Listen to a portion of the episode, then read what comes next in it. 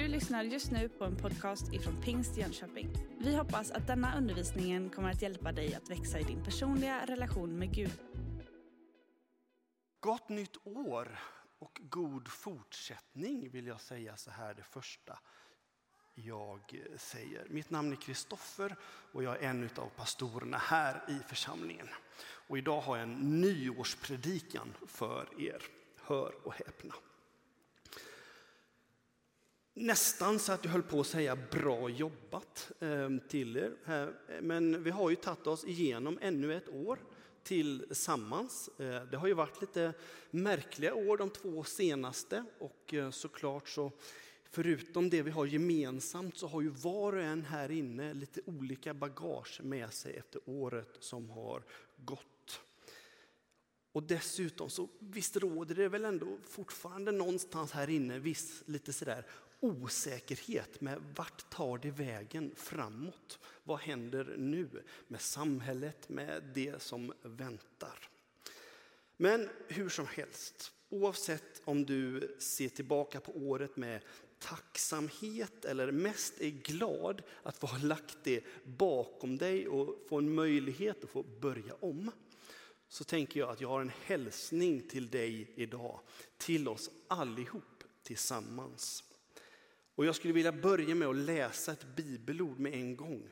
Och efter det bibelordet skulle jag egentligen kunna slutat. Men jag tänker att nej, så lätt ska ni inte komma undan idag här. Eh, utan jag vill nog säga någonting efteråt också.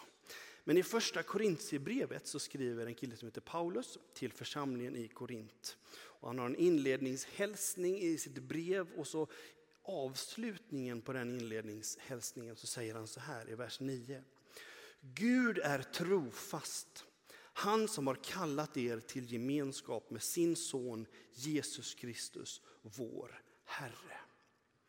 Det här tror jag är vad Gud vill säga till dig och mig den här dagen. Början på det här nya året. Att han är trofast. Oavsett hur det året har sett ut som har passerat här nu. Så Gud, han är med. Han håller det han lovar. Men vad innebär det då för dig? Vilken skillnad gör det för dig och mig? Vi kommer till det, hoppas jag. Men det är svårt att hålla en nyårspredikan utan att säga någonting kring det här med nyårslöften. Och jag kan nog inte hålla mig jag heller idag. Jag tänker att fler runt om i vårt land som predikar idag har någonting med kring detta. Men framför allt så skulle jag vilja tala om Guds löften idag. Och det är inget nyårslöfte utan det är mer ett sånt där vardagslöfte som vi kan få återkomma till varje dag vad det är han säger. Och jag tänker att det ska få hjälpa oss lite grann att starta igång det nya året på, på det sättet att få påminna oss om vad det är som han faktiskt lovar de som följer honom. Men som sagt, Eh, förra julen, liksom den här julen, så fick vi en jättefin julklapp här, personalen i församlingen. Vi fick ett presentkort i en sportaffär. Och sånt blir jag jätteglad för. Så jag passar på att ni som är med i församlingen att säga tack. Ja, titta på Katrin och Bea här, bara så att det var bara jag som fick. Men det ser ut som att de kände igen detta, det var ju skönt, det glömde jag kolla innan. Eh, jag ska inte fråga belopp då kanske, nej. Eh, men hur som helst så blev jag jätteglad när jag fick det här presentkortet för jag tänkte att oh, men jag som sportmänniska som älskar idrott, det här är perfekt för mig. Och i slutet på året och man börjar tänka på det där nya året som kommer, ja, men man blir lite peppad att gå in i någonting nytt. Så jag dök in på mellandagsrean online. För, förra året blir det ju nu då, ett år sedan. Hängde du med på den? Ja. Eh, och tänkte att nu ska jag hitta någonting för mitt fina presentkort här som jag fick av församlingen. Och tänker att ja, men jag, jag gick ju ut och sprang häromdagen för första gången på ett år. tänkte jag, det måste jag ju göra någonting av. Alltså jag måste få ordning på konditionen på den här kroppen och kanske gå ner något kilo på köpet och så få lite flås tillbaka som man hade förr när man var ung och pigg. Eh. Vad hittade jag? Jag hittade en löparjacka som jag tyckte var jättefräck. Någon sa att det viktigaste är ju inte att springa utan att se snygg ut när man gör det. Eh. Och då tänkte jag det kanske jag kan lyckas med i alla fall de få gångerna jag, jag gör det. Så jag köpte en snygg löparjacka, hittade ett par löparbyxor också. som jag tänkte att ja, men de här behöver jag. Det går ju inte annars. Det är klart man kan ju springa var som helst men man lurar sig lite där. Att jag behöver ju detta. Så jag köpte detta. Superglad för min nya löparjacka och taggad på förändring för jag visste att jag behövde förändring. Så sprang i alla fall tiden iväg, eh, tänker jag. Eh, för den där löparjackan, den har jag använt två gånger tror jag. Och ingen av de gångerna sprang jag. Eh, och det blir lite så här, man står framför er och skäms lite här nu. Va? Men byxorna väntar fortfarande på sin premiärtur kan jag säga. Ehm, och lite så. Och det blir ju inte riktigt alltid som man tänker sig. Det är väl det jag försöker säga här i min bekännelse. Det blir inte riktigt alltid så som man tänker den där stunden när man faktiskt är så taggad på det här nya beslutet och på nya tag för framtiden. Såklart så vet inte jag om du har gett nyårslöften i år eller om du brukar hålla på med sånt. Men eh, möjligen att du känner igen dig i tendensen ändå som finns i det jag nyss berättade att vi har en tendens att ta nya beslut och lova oss själva och andra saker och så håller det inte riktigt hela vägen. Det finns en, ett engagemang och en vilja och en entusiasm i början men med, med tiden så kommer det saker emellan och man tappar lite granna siktet.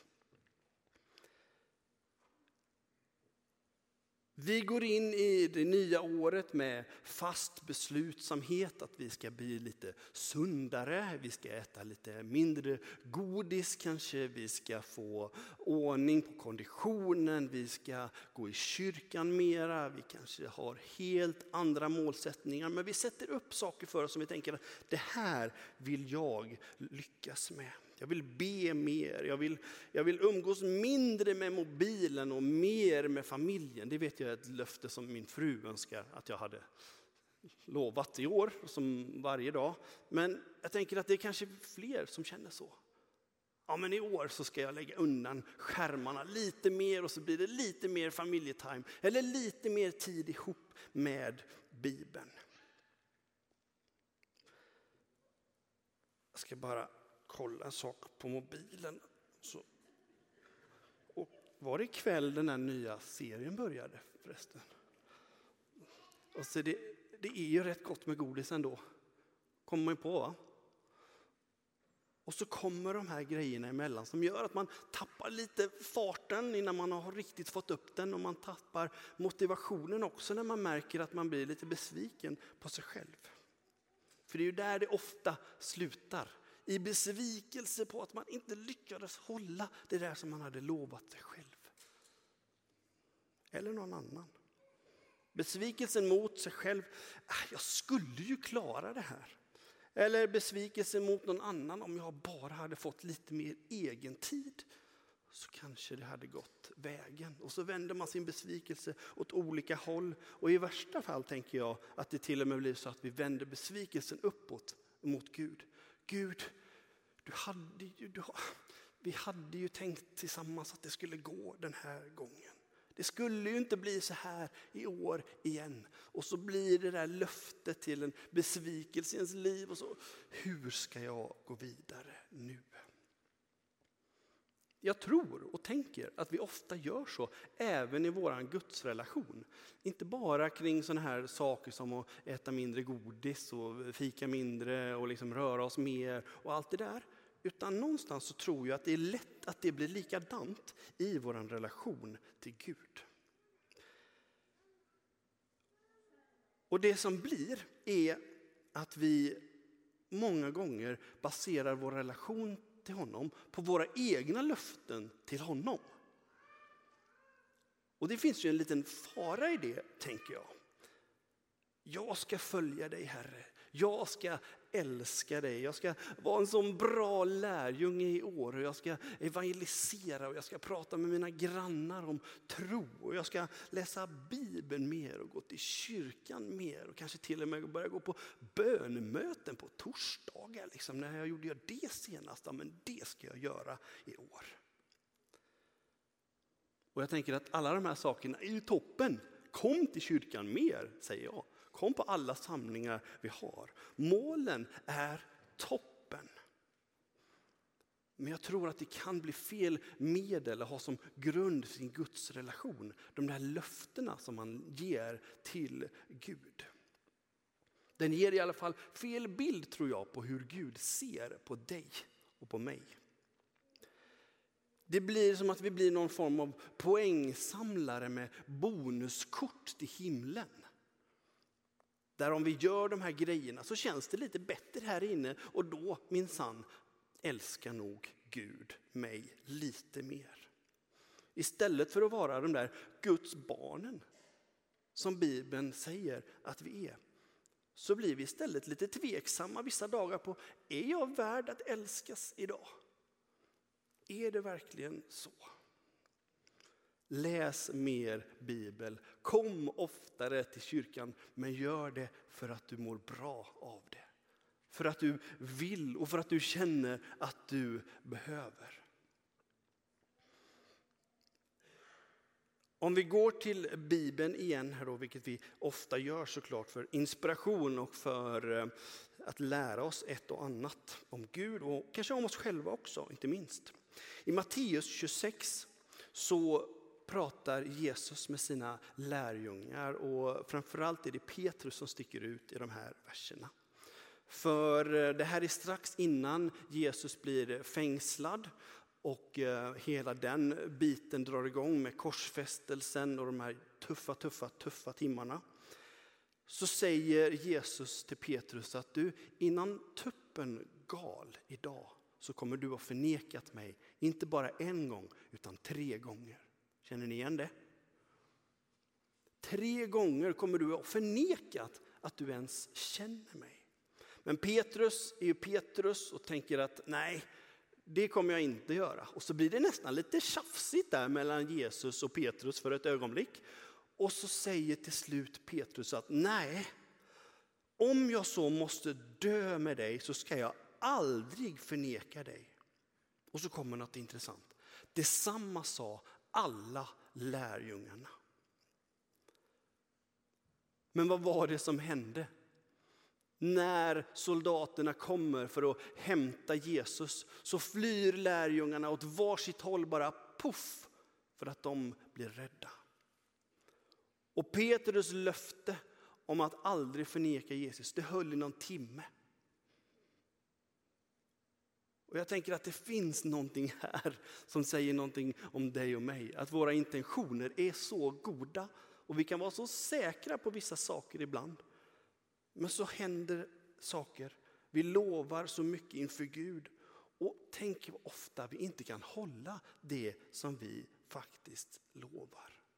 Såklart är det här en ganska speciell situation. Det är ganska stor press på Petrus där på gården såklart när människor kommer fram till honom och säger men är inte du en av dem där? Nej, nej, nej, nej, såklart jag inte är. Men jag tror ju inte att den stora anledningen till att Petrus blev så bedrövad, för det kan vi läsa sen, att han sprang iväg bedrövad över att Jesus faktiskt hade rätt. Men den stora anledningen tror inte jag var att han ehm, skyddade sig. Att han eh, liksom tog avstånd från Jesus där och då. För det hade ju Jesus redan förutsagt att han skulle göra. Men det som jag tror att Petrus blev så bedrövad över var att han inte höll vad han hade lovat till Jesus. Han hade ju stått där och lovat dyrt och heligt. Jag kommer aldrig. Inte kommer jag. Det blev liksom ostadigt under Petrus fötter. Det där löftet som han stod på, som han hade lovat inför Jesus. Jag kommer stå här stadigt och fast. vid din sida oavsett vad. Det började skaka och blev ostadigt under hans fötter. Vem är jag nu? Hur går jag vidare med Jesus nu?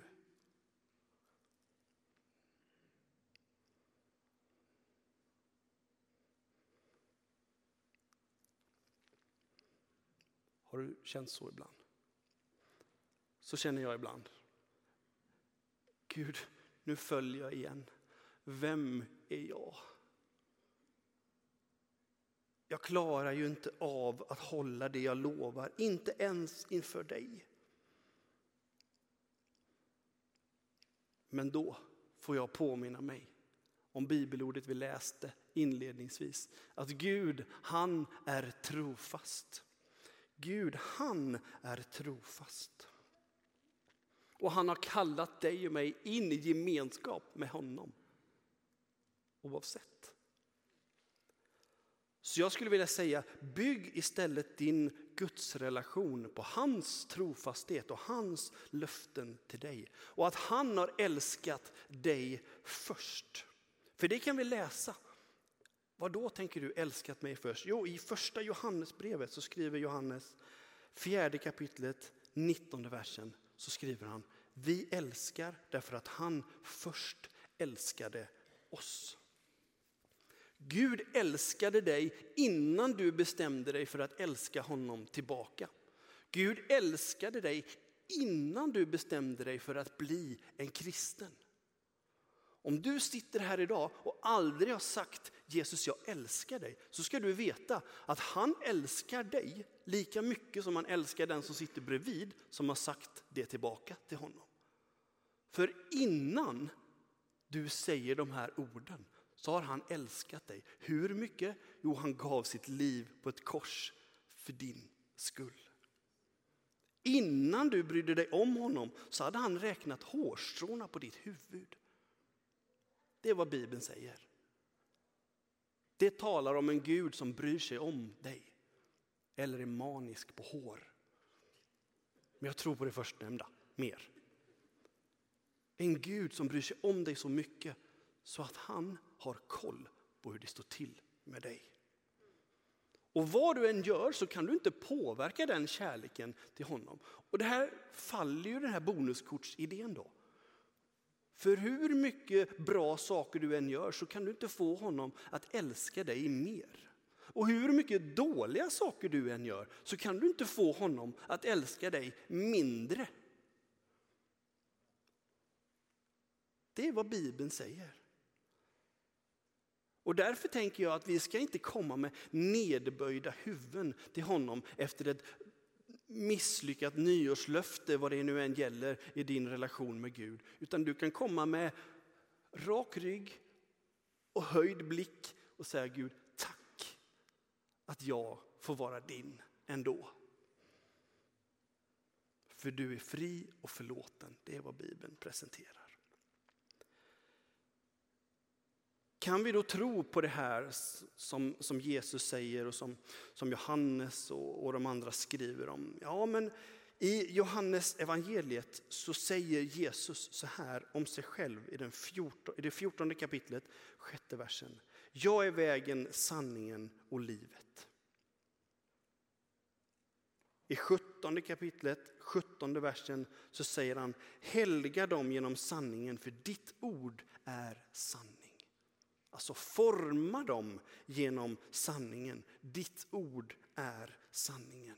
Det är vad jag tror att när vi fyller oss med Guds löften om vem han är och om vem du är i honom så formar det någonting i oss. För att det är sant det han säger om sig själv och om dig. Därför så är den här predikan viktig idag. För jag tror att vi behöver höra det. Så att det får forma vår gudsrelation med honom så att vi står stadigt när vi faller. Det låter jättekonstigt. Kan man stå stadigt och falla samtidigt? Ja, men jag tror att man kan det. För om du faller så kan du ändå stå på den här grunden så att du reser dig upp och har fast mark under fötterna. För hans löften sviker inte. I Bibeln kan vi läsa om att vi är skapade till Guds avbild och att vi ska vara honom lika. Men jag skulle vilja påstå att vi är inte honom lika i allt. Utan han håller sina löften alltid och jämt. Det är den guden som jag tror på, den guden som min bibel presenterar och den guden som jag skulle vilja presentera för dig idag. Och ibland så glömmer vi det och beter oss som om hans löften vore lika sköra och lätta att bryta som våra egna löften till honom eller till andra. Så därför skulle jag vilja påminna dig idag om att inte bygga din gudsrelation på din svaghet utan bygg den på hans styrka istället. Bygg inte din gudsrelation på det som är fel hos dig utan på det som är rätt hos honom. Bygg inte din relation med Gud på det som du inte klarar av utan bygg på det som han klarar. Istället för att låta våra egna lite sköra och bräckliga löften få vara grunden för vår tro och för vårt liv med honom så önskar jag att hans löften ska få vara grunden för din och min tro. För de löftena, de håller. Och de ändras inte heller utefter hur vi lyckas med saker och ting i våra liv. Eller hur vi känner det för vissa dagar eller perioder i livet. När sorg och besvikelse och annat kommer över oss så står hans löften kvar. Och då är ju den stora frågan, har du koll på vilka löften det är? Några av oss här inne skulle säkert kunna räkna upp några stycken löften i alla fall, men det finns många fler. Och vi läser dem ofta, men jag tänker att vi glömmer dem lika fort. Och ibland så blir det fina bibelverser som blir lite poetiskt i någon predikan. Men det blir inte någonting nyttigt i mitt liv som jag kan bygga vardagen på. Utan det passerar. Och idag tänkte jag att de inte skulle få passera utan att de skulle få landa i ditt och mitt hjärta. Det är bönen för, från min sida idag. Så jag skulle vilja påminna dig om en hel del av de här löftena. Och jag hoppas att vi får upp lite grann så att ni kan följa med på skärmarna, för nu, nu blir det åka av. Mm. Matteus 28 och 20, det sista Jesus säger till lärjungarna innan han lämnar dem upp till himlen, så säger han, jag är med er alla dagar till tidens slut.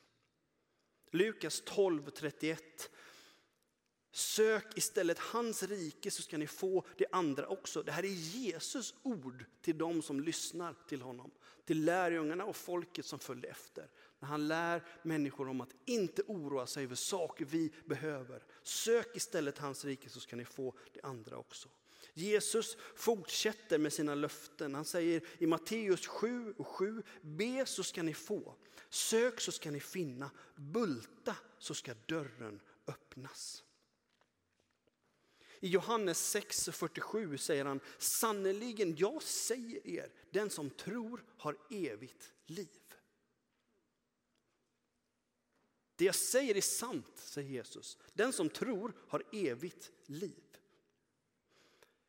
Jesus säger i Johannes 7.38, den som tror på mig, ur hans inre ska flytta strömmar av levande vatten. Vad är det här för? Johannes 6 och 35. Den som kommer till mig ska aldrig hungra och den som tror på mig ska aldrig törsta. Johannes 14 och 12. Den som tror på mig ska utföra gärningar som jag och ännu större. Jesu ord igen.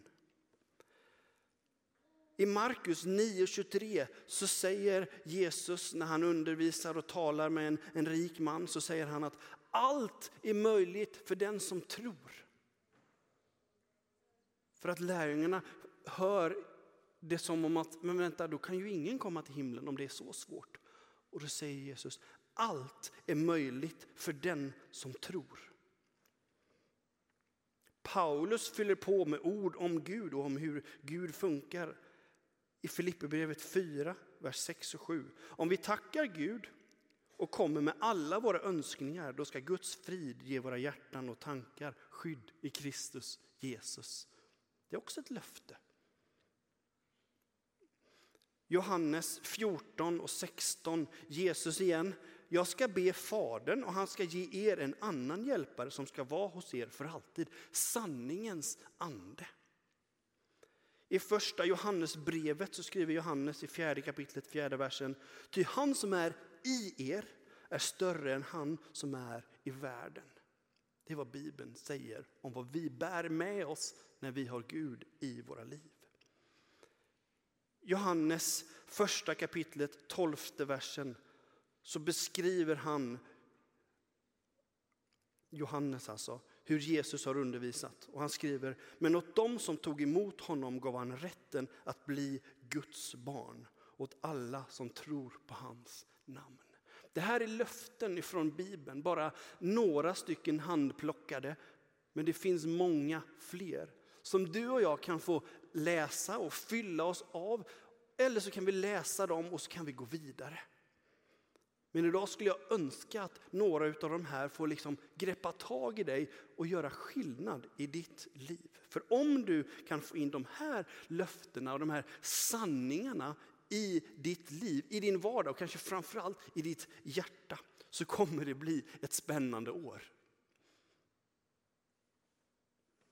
Då kommer du och jag förstå mer och mer om hur Gud ser på oss. Det tror jag. Hur han tänker om oss. Och när du inte lyckas med det du siktar på, då är Guds ord fortfarande de samma. Det är ju det som är så fantastiskt. När du inte skött din ekonomi riktigt så är du fortfarande älskad. Men sök först Guds rike. När sjukdom stjäl både hälsa och kraft så kan du få ta till dig löftet att han som är i er är större än han som är i världen. När relationer har strulat till sig i ditt liv så kan du få bulta tills dörren öppnas. Du kan få be så ska du få, du kan få söka så ska du finna lösningar. Och när du blir av med jobbet kanske och problemen känns övermäktiga, kom då ihåg Jesu ord att allt är möjligt för den som tror. När ingen förstår dig och du sitter där själv på sängkanten en kväll när du ska gå och lägga dig och tänker att vad är det egentligen med allt det här? Orkar vi med det här?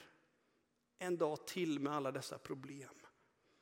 Då säger Jesus, jag är med er alla dagar till tidens slut. Alltså förstår ni? De här löftena, om vi fyller oss med dem så kommer de att ploppa upp i ditt hjärta, ja det sitter där ja, och, och i ditt huvud, i dina tankar när du behöver det. För det är så den helige ande funkar. När vi fyller oss med Guds sanningar så kommer den helige ande att påminna oss om de sakerna när vi behöver det i våra liv. Så frågan som man skulle kunna ställa sig själv, står jag stadigt idag? Står du stadigt i ditt liv? Om du står på Guds sanning så får du en grund att bygga på. Då förstår du och jag, då förstår vi vilka möjligheter till förändring som vi har. För det är ofta det vi är ute efter, någon form av förändring i våra liv. Med Guds löften så kan vi få påverka vår vardag till det bättre. Jag tror verkligen det. Med Guds löften så förändras förutsättningar till och med till det bättre.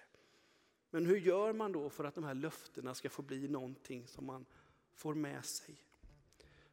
Ett tips kanske skulle kunna vara att ta det här året till att leta upp ett gäng löften i din bibel där hemma och skriv ner dem. Och för varje vecka du går in i det här året så påminn dig om ett löfte varje vecka. Eller ett om dagen, jag tror till och med att bibeln tål det. Och låt det få upprepas i ditt liv. Låt det få fylla din dag och ditt sinne och påminna dig om vem du är och vem han är. Då tror jag att vi kan eventuellt lyckas hålla den där entusiasmen och engagemanget uppe och igång och lyckas eventuellt hela året ut. I alla fall definitivt längre än vad jag lyckades med min löpning. Allt är möjligt för den som tror. Gud är trofast och hans löften gäller dig. Amen. Du har just lyssnat på en podcast ifrån Pingst Jönköping. För att få reda på mer om vilka vi är och vad som händer i vår kyrka så kan du gå in på pingstjonkoping.se eller följa oss på sociala medier via pingstjkpg.